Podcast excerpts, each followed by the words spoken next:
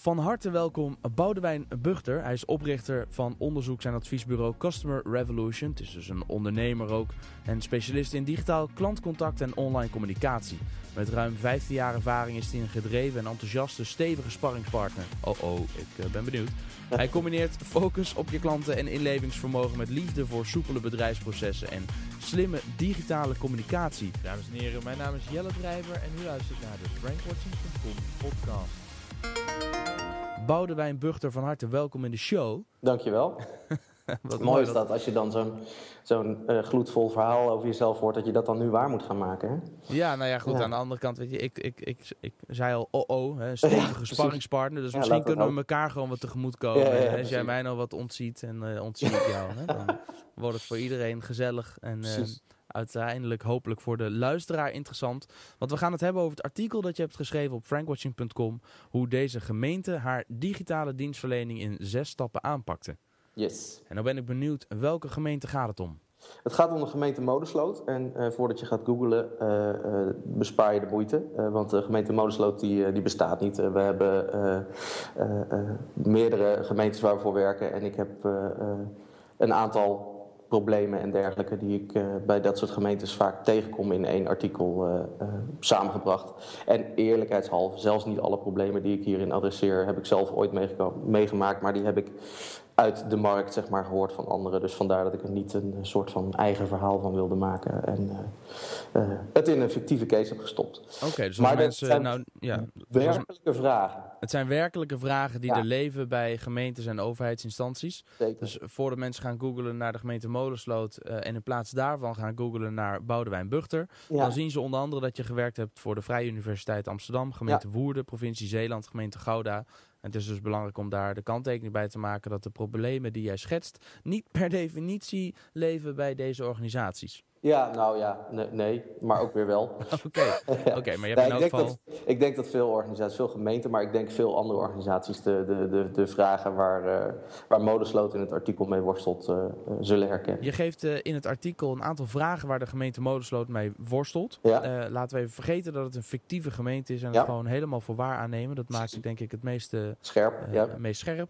Welke vragen worstelt de gemeente mee in dit geval? Nou, eh, een van de eerste is, eh, eh, dat, zal, dat zullen heel veel organisaties, niet alleen gemeentes, herkennen. Van, hè, wel een gevoel hebben wat klanten echt nodig hebben van je, maar dat niet helemaal scherp kunnen krijgen. Ja, sommige organisaties hebben natuurlijk onderzoek tot en, tot met, hè, zoeken tot in de treuren naar allerlei eh, behoeftes.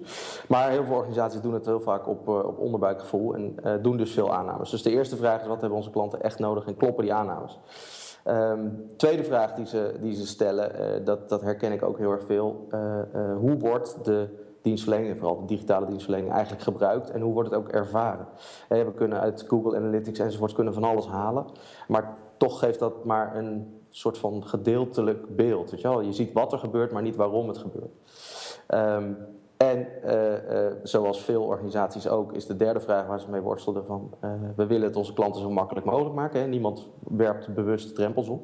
Hoewel, soms natuurlijk wel. Ehm, eh, eh, maar ja, goed, we willen het zo makkelijk mogelijk maken. En lukt dat dan ook? En een, van de vierde, de, of een van de andere vragen, de vierde vraag... waarom kiezen klanten welk kanaal en wat drijft een kanaalswitch? Hè? Je ziet natuurlijk veel switches gebeuren en eh, idealiter gebeurt natuurlijk niet. Dus je wil inzicht hebben in wat drijft eh, zo'n switch, maar ook wel waarom ze welk kanaal eh, kiezen. Dat, dat helpt je om je dienstverlening eh, scherper te richten. En uiteraard, als je verbeteringen wil, eh, wil re- realiseren, dan zul je daar eh, eh, op de korte en op de lange termijn iets voor moeten doen. En dat is dan ook de vijfde vraag. Oké, nou noemde je al, eh, hoe wordt onze digitale dienstverlening gebruikt en ervaren? Ja. En daarbij zeg je het con- in contact treden met bewoners. Daarbij is de website het voorkeurskanaal. Ehm, waarom is dat en is, in hoeverre is dat slim? Ehm, nou ja, in dit geval, eh, eh, eigenlijk is dat bij ook weer heel veel organisaties zo. De website is het voorkeurskanaal omdat het de meest steady eh, kans voor mensen is om in contact te treden met zo'n organisatie. Hè? Als in, het is er 24-7, tenminste dat hoop je dan. Ja. Ehm, en het is ook de meest laagdrempelige vaak. Even los van alle toegankelijkheidsissues, et cetera. Ehm, maar vanuit eh, eh, organisatieperspectief, het is natuurlijk ook de meest goedkope manier om mensen met jou in contact te laten treden. Hè. je hoeft het er in principe één keer neer te zetten, dan moet je het gaan onderhouden. Ja. Ehm, en elk contact wat je verder met, met mensen hebt, dat, nou, dat kost nogal wat. Ja, nou, is het een makkelijke manier om in contact te treden? Ik denk dat het een makkelijke manier is om te informeren, om te zenden. Mhm. Maar in hoeverre is het een, ja, als je het hebt over interactie en het gesprek aangaan en in contact treden, lijkt mij gevoelsmatig, maar ja, dan gaan we al aannames, uh, de website misschien niet meteen het meest handige platform om dat te doen. Um, wat? Nou ja, omdat er op een website, kan ik me voorstellen, vrij lastig interactie mogelijk is met een burger. Dus voor het informeren kan ik me voorstellen dat het heel handig is. En dan heb je als organisatie zelf ook helemaal uh, de grip op wat erop staat en, en, mhm. wat niet. Alleen om, om echt contact aan te gaan, of zeg, of zeg je nou ja, maar interactie is in dit geval helemaal niet het doel? nou, heel vaak niet. Heel vaak niet. Kijk, eh, de, de, we citeren nu een klein beetje uit, uh, uit de visie die Modesloot uh, verwoorden. Hè, van we willen dat onze site het primaire kanaal is. Dat is het natuurlijk vanuit klantperspectief niet per se. Dat is ook die eerste vraag van uh, gebruiken mensen ook wel het kanaal zoals wij het uh, willen, zeg maar. Mensen zullen altijd het, uh, het om in contact te treden, zullen ze denk ik eerder bellen of in ieder geval even op de site kijken hoe ze dan in contact moeten treden. Um, de site is gewoon primair toch wel bedoeld om nou ja, dat eerste contact te faciliteren. Dat kan dus zijn ofwel door een vraag te stellen, ofwel door uh, uh, een afspraak te maken of iets dergelijks bij een gemeente. Is dat heel vaak in ieder geval de, de, de, het, het idee. Um, echt contact, ja, waarom zou je echt contact willen? Weet je, als je een vraag hebt, dan is het toch vaak handiger om even te bellen of te mailen. En dat kun je via de site uh, faciliteren. Maar dit gaat toch wel meer over het echt het verlenen van diensten. Dus het, het, het zorgen dat mensen iets kunnen regelen met je, met je organisatie. Oké, want je hebt dus die vijf vragen waar de gemeente mee worstelde, heb je geformuleerd. En vervolgens mhm. zeg je de gemeente Modersloot verbeteren de service aan de inwoners en bedrijven in zes stappen. Ja. Misschien is het goed om daar ook even doorheen te lopen, die zes stappen. En ze dan per stap even kort toe te lichten. Ja, dat is goed. Um, nou, de eerste stap is uh, uh, het aanscherpen van een visie op digitale dienstverlening. En daar staat digitale uh, nadrukkelijk tussen haakjes. Het gaat over dienstverlening in het algemeen. digitaal is daar steeds een belangrijke rol in. En zeker ook in, in dit geval, en wat ik dus bij nog steeds meer organisaties zie, ehm, daar, daar zetten ze de, de digitale kanalen zetten ze echt centraal in hun, in hun dienstverlening. Um, het, het aanscherpen van die visie is nodig om richting te geven aan uh, aan, aan wat ze verder gaan doen om, om die dienstverlening te verbeteren. Maar ook wel om mensen allemaal op dezelfde lijn te krijgen. Hè? Dus de organisatie op dezelfde lijn te krijgen. Er zijn natuurlijk veel mensen nodig um, in zo'n organisatie om, om echte veranderingen door te voeren. Om het echt makkelijk te maken voor mensen. Dus je moet dat vanuit een soort gezamenlijk uh, doel doen. En uh, in, in het geval van Modesloot was de eerste stap met een aantal mensen bij elkaar gaan zitten. En uh, samen een wat ik noem groot gedurfd doel, afgekort GGD, uh, ja. voor hun dienstverlening uh, formuleren. En dat was in dit geval inderdaad het centraal zetten, het zelf aan het roer zetten van inwoners, bedrijven en organisaties. en het hen zo makkelijk mogelijk maken om in contact te treden, inderdaad.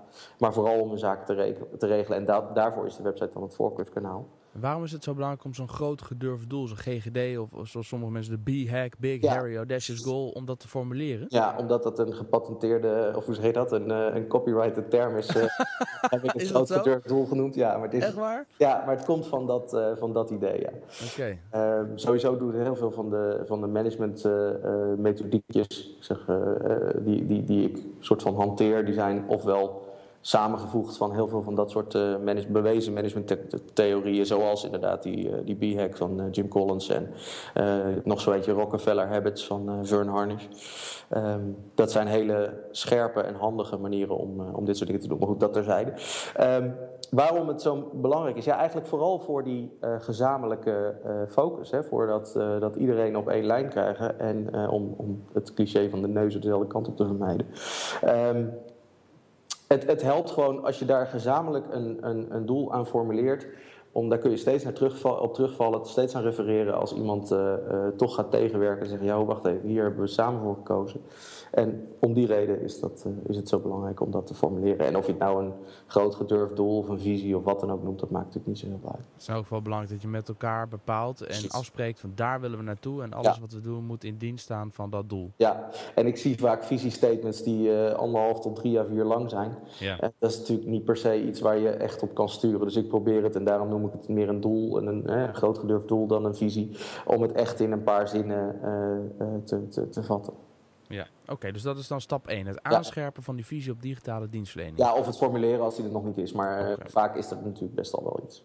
Oké, nou stel dat hij dan op een gegeven moment geformuleerd is met elkaar, dat GGD dat staat. Ja. En dan, dan zeg je stap 2, inzicht in de basis. Het inventariseren van vragen en gebruik van kanalen. Ja, nou, wat ik eigenlijk net ook al zei toen ik die vijf vragen opnoemde. Hè, heel veel gemeentes die hebben, of heel veel organisaties, maar gemeentes ook, die hebben uh, uh, best wel een aardig beeld van uh, wat, er, wat er online gebeurt. Maar die, hebben niet, die meten eigenlijk heel weinig. En zeker gemeentes meten heel weinig.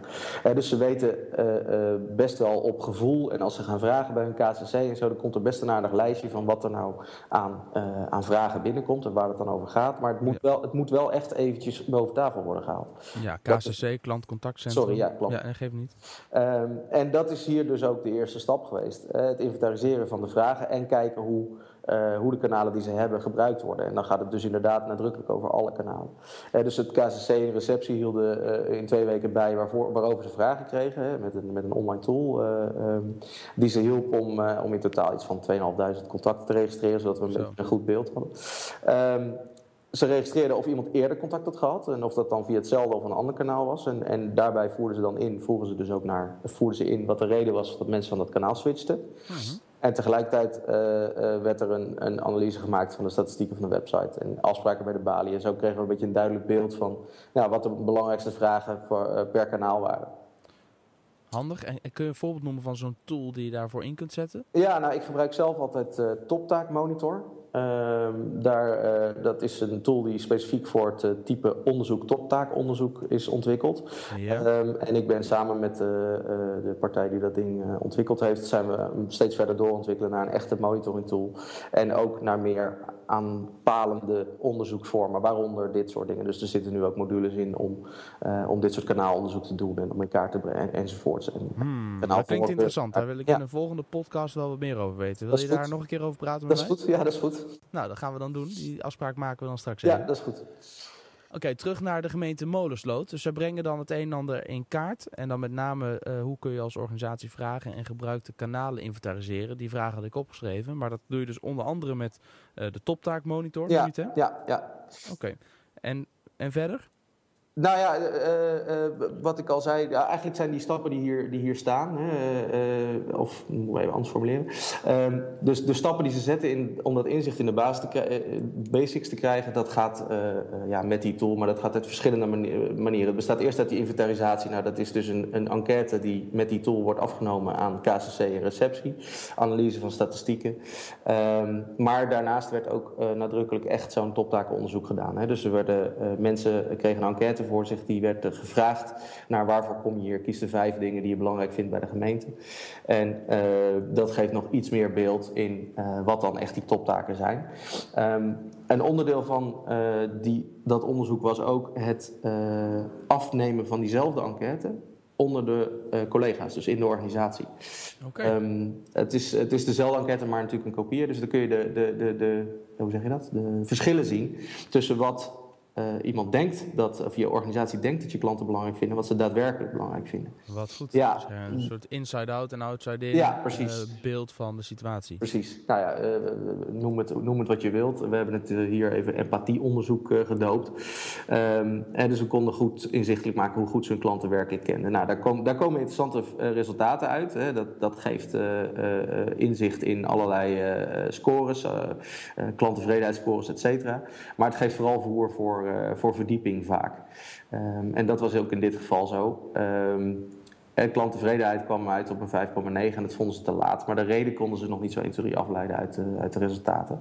En ook de reden om van kanaal te switchen, nou, dat gaf toch aanleiding tot, uh, tot verdieping. Dus vervolgens gingen ze in de derde stap verdiepen van, van inzicht, zorgen voor verdieping van inzicht.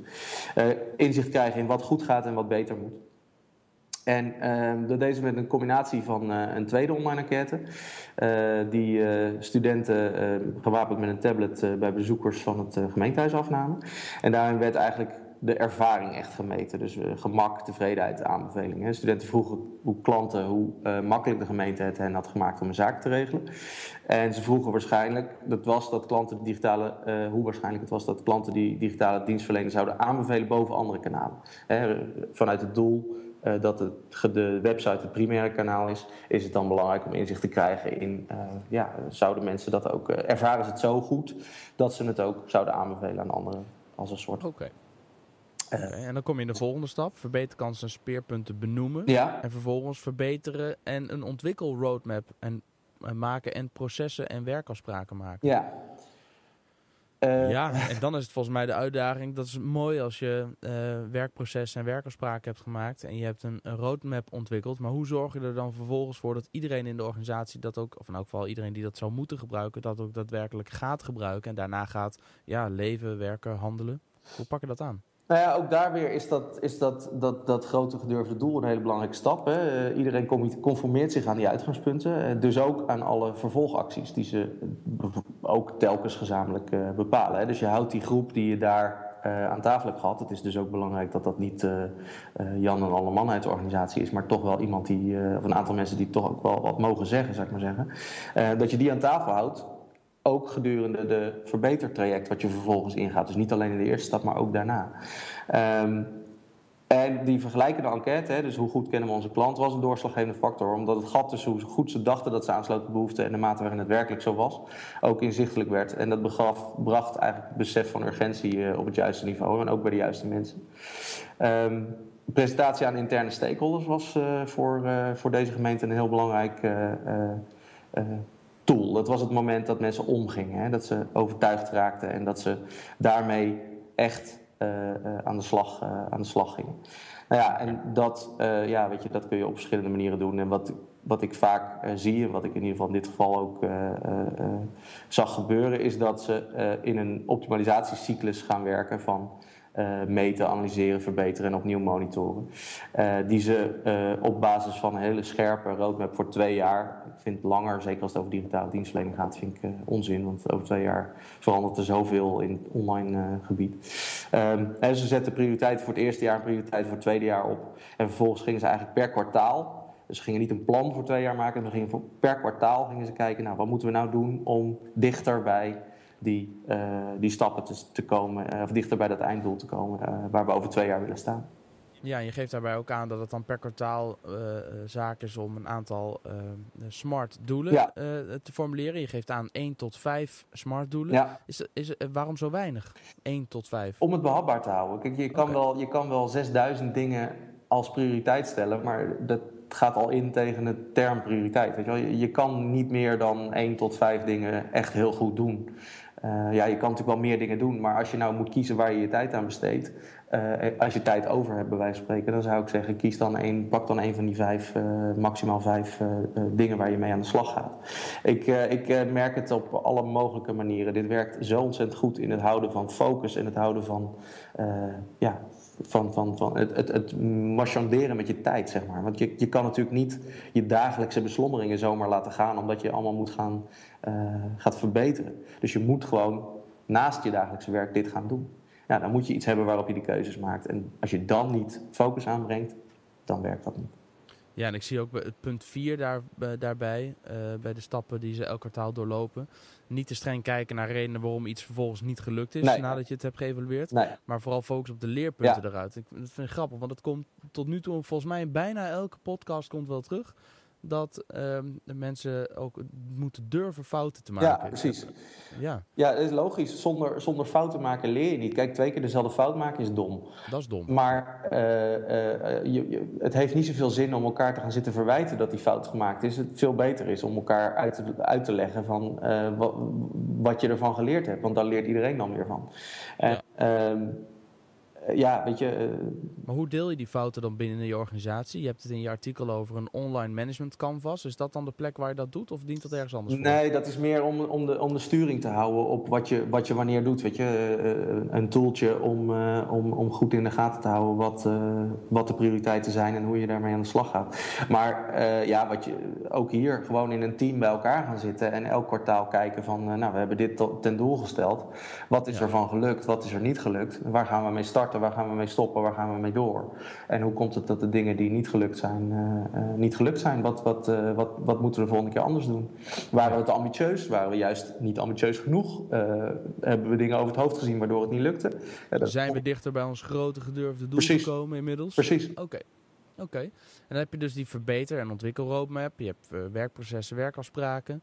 En dan ga je uh, bezig met stap 6, de optimalisatiecyclus. Meten, analyseren, verbeteren, monitoren. Mhm. Dan ga je elk kwartaal aan de slag met die uh, vijf smart doelen. Mhm. Je moet daarbij evalueren. En dan uiteindelijk zeg je concrete verbeteringen bepalen met behulp van empathy maps en service blueprints. En Ja. dat zijn voor mij nieuwe termen. Wat bedoel je daarmee? Nou, zo'n empathy map, het, het is een beetje jargonnerig, dat realiseer ik me. Ehm, eh, die empathy map, dat is een beetje, eh, bre- brengt eigenlijk een beetje in kaart de context waarin een klant eh, naar, een, naar een probleem kijkt. Ik had eerlijk gezegd ook een linkje naar een Wikipedia-pagina daar kunnen plaatsen.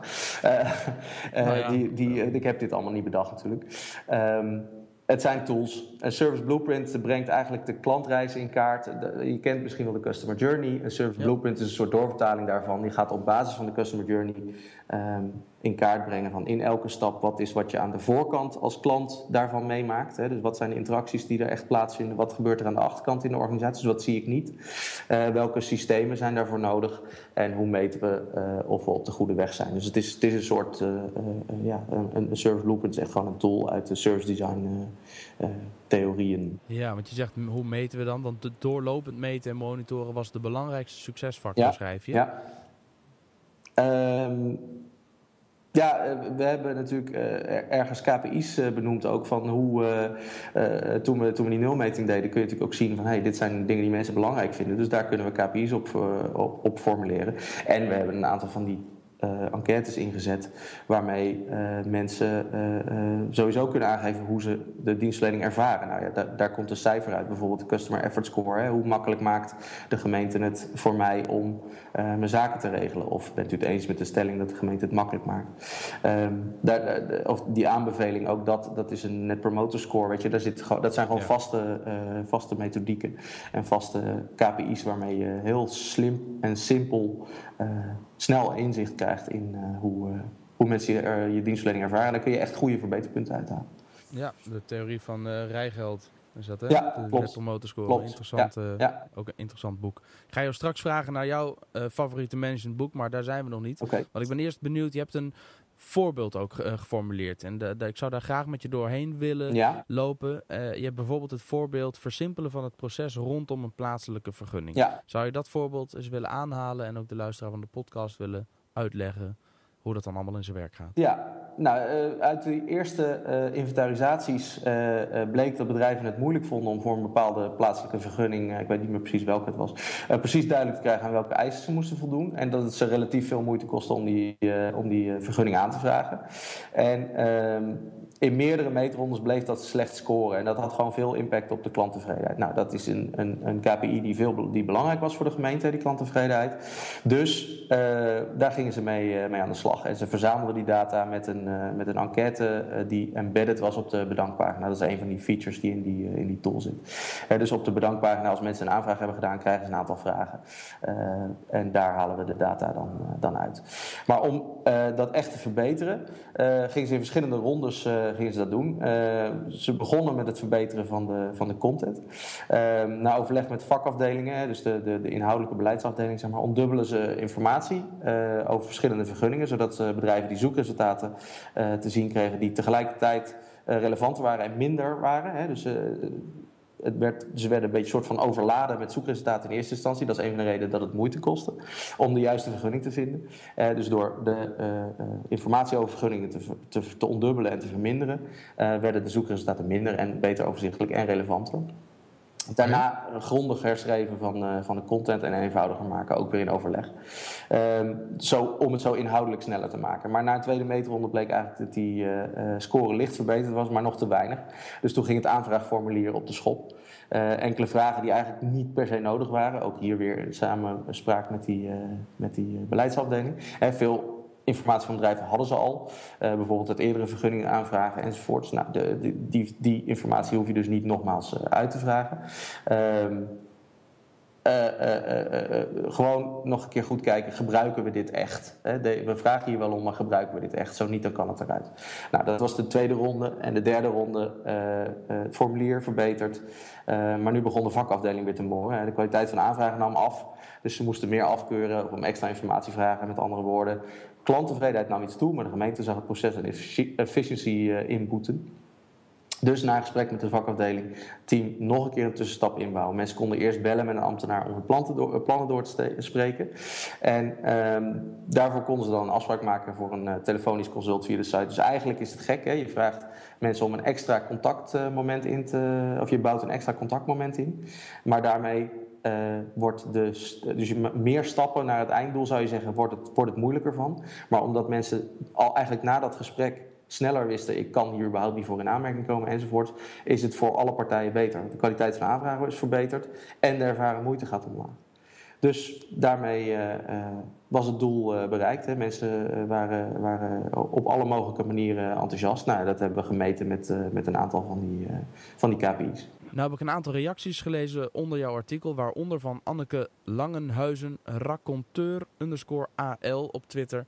Mooi artikel, Boudewijn. Mm sympathiek. Fijn. Ik, snap, ja, ik snap het proces en ik zie daar zeker het nut en de noodzaak van in. Maar waar ik vooral benieuwd naar ben, is hoe Jetske en haar team, dat zijn de, het de fictieve dame, ja. precies, die je bespreekt, en de andere collega's in beweging komen. Het lijkt me dat je vooral bij de overheid te maken hebt met een behoorlijke cultuuromslag. Kun je daar wat meer over vertellen? Nou, Boudewijn, kun je daar wat meer over vertellen? Ja, nou ja, wat ik net eigenlijk ook al zei, hè, het formuleren van het grote gedurfde doel was een belangrijke stap daarin. Hè. Daar, daar uh, conformeert iedereen zich, uh, of committeert iedereen zich aan, aan uitgangspunten en vervolgacties. Ehm, het feit dat we inzichtelijk konden maken eh, de, het gat tussen wat mensen werkelijk ervaren en hoe wij denken dat dat ervaren wordt uh, als organisatie, dat is een hele belangrijke stap in het in beweging krijgen van mensen. En als je dat dus goed weet te presenteren aan de juiste mensen intern, op het juiste niveau, um, ja, dan gaat het nog steeds niet vanzelf, maar dan gaat het toch zeker makkelijker. Hè? Want dan krijg je management of, nou ja, misschien moet je het niet per se alleen met het management, maar dan krijg je in ieder geval steeds meer betrokkenheid bij het, bij het probleem. En dat is denk ik toch wel de basisvoorwaarde voor, ja, voor het uh, in, in, beweging krijgen en houden van, van mensen om echt verbeteringen door te voeren. En steeds de resultaten laten zien. En wat dat voor de cultuuromslag betekent, ehm, ja, het is niet per se altijd de cultuuromslag. heel vaak denk ik wel. Maar ja, daar, ehm, ja dat, dat, dat, dat, daar weet ik eerlijk gezegd op dit moment even niet zo heel erg een antwoord op. Oké, nou Anneke reageert ook. Je hebt, je hebt Anneke ook online geantwoord en zij zegt daaronder: als ik overheden in Jeskes voetsporen wil, als zo. Als over, andere overheden in Jeskes voetsporen willen treden, dan zullen ze eerst moeten beseffen ja. dat veel communicatievraagstukken eigenlijk organisatievraagstukken zijn. Precies, ja. Communicatie is meer dan alleen een persbericht schrijven of de social media kanalen bijhouden. Het grote gedurfde doel zou door de haarvaten van de hele organisatie of tenminste van de sleutelfiguren moeten stromen. En ze zegt daarbij, jouw verhaal schetst dat beeld heel treffend. Ja, nou. waarop ik antwoord exact Anneke en nogmaals dank. Nogmaals dank. Ja, ja, nee, te gek. Ja. Maar goed. Oké, uh, voor zover dit artikel en de comments. Dan heb ik nog een aantal vragen die ik standaard stel. En de eerste daarbij is, wat is jouw favoriete managementboek en waarom? een boek wat voor mij veel uh, uh, impact had in het denken over hoe je je dienstverlening goed kan verbeteren, is The Effortless Experience. En ik moet heel eerlijk zeggen dat ik de auteur heel even schuldig moet blijven, maar dat zijn de, de de bedenkers van die Customer Effort Score. En um, mensen die in het digitale veld werken, die zullen uh, zich een beetje heen moeten ploegen door alle uh, opmerkingen en aanmerkingen en, en, en, ideeën die erin staan over uh, callcenters, et cetera. Maar juist voor managers dienstverlening in, in grotere, die, die breder kijken dan alleen digitale terrein, is dit echt een heel inzichtelijk boek van hoe je gewoon aan de slag kan met het verbeteren van je, uh, van je dienstverlening en waar, ja, wat, wat, wat eigenlijk klanttevredenheid uh, beïnvloedt. Dus ik heb daar veel aan gehad. Oké, okay. uh, nou, ik begrijp ook dat je de auteur even niet meer weet. Want ik ben zo vrij geweest om het snel te googlen. En het is The Effortless Experience Conquering the New Battleground for Customer Loyalty. Geschreven door Matthew Dixon, Juist. Nick Thomas en Rick Del Delisi. Dus ja, dat zijn er ook drie. Ja, precies. Kan niemand je verwijten dat je dat niet kan onthouden.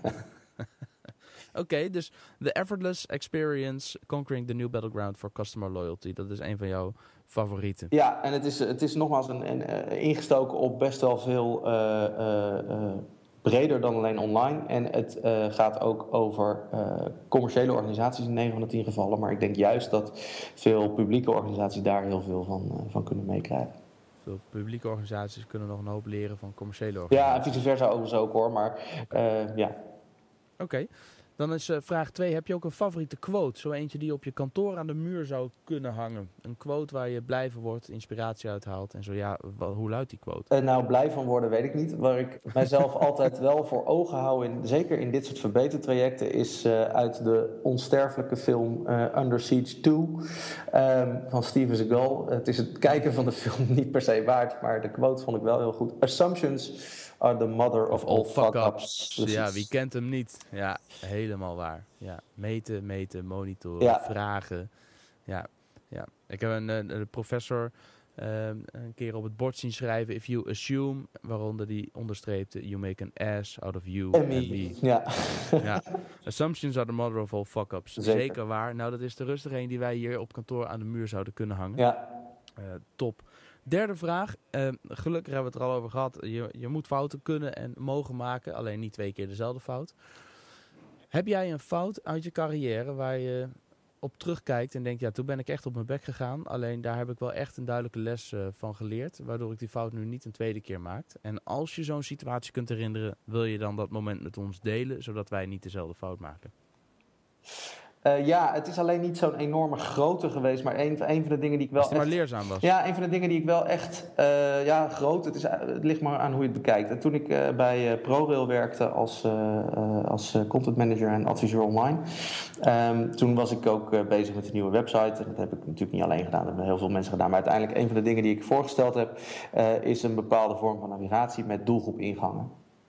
En dat is een van de dingen die ik uh, uh, steeds weer terug zie komen. Nog steeds klanten die vragen doelgroep ingangen uh, te maken.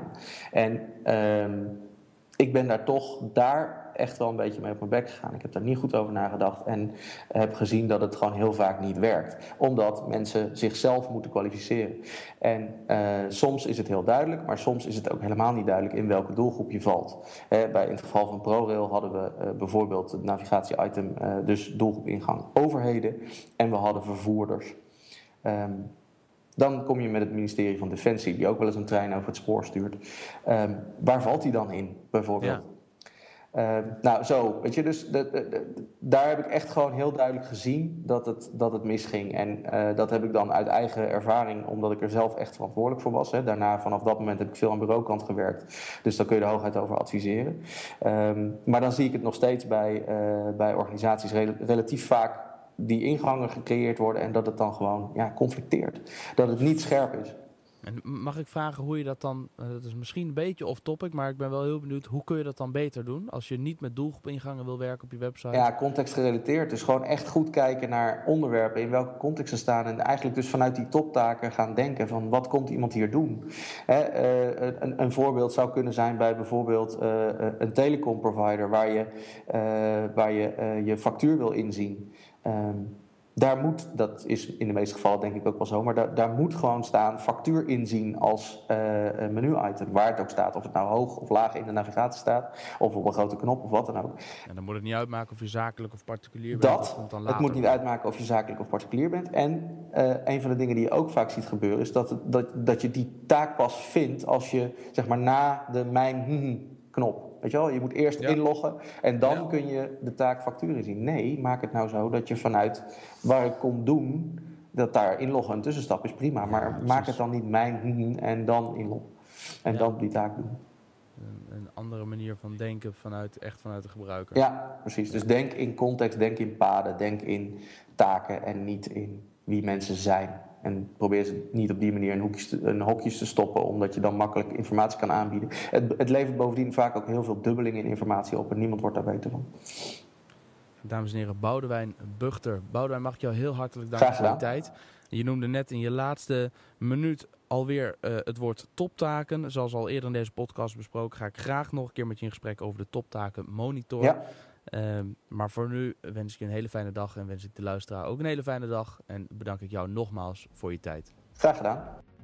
Aan al het goede komt een eind, zo ook aan deze aflevering van de Frank Watching podcast. Smaakt het naar meer? Dat kan. Ga dan naar frankwatching.com slash podcast of zoek het woord Frank Watching op iTunes, Stitcher Radio of TuneIn. Dat kan haast niet missen, maar kom je er toch niet uit, heb je vragen, opmerkingen of suggesties? Laat het ons dan weten via Twitter op @jelle of @frankwatching. Ben je enthousiast geworden? Schrijf dan een leuke review op iTunes of Stitcher Radio en maak kans op het boek Brand Expedition van Martijn Arets. We verloten maar liefst 10 gesigneerde exemplaren onder de eerste 100 reviews. Volgende week dinsdag staat er weer een nieuwe aflevering voor je klaar. Abonneer je gratis en ontvang hem automatisch op je smartphone, tablet of desktop. Meer informatie vind je op frankwatching.com slash podcast en meer informatie over mij op jellendrijver.nl. Dat was hem voor nu. Dankjewel voor het luisteren en tot de volgende podcast.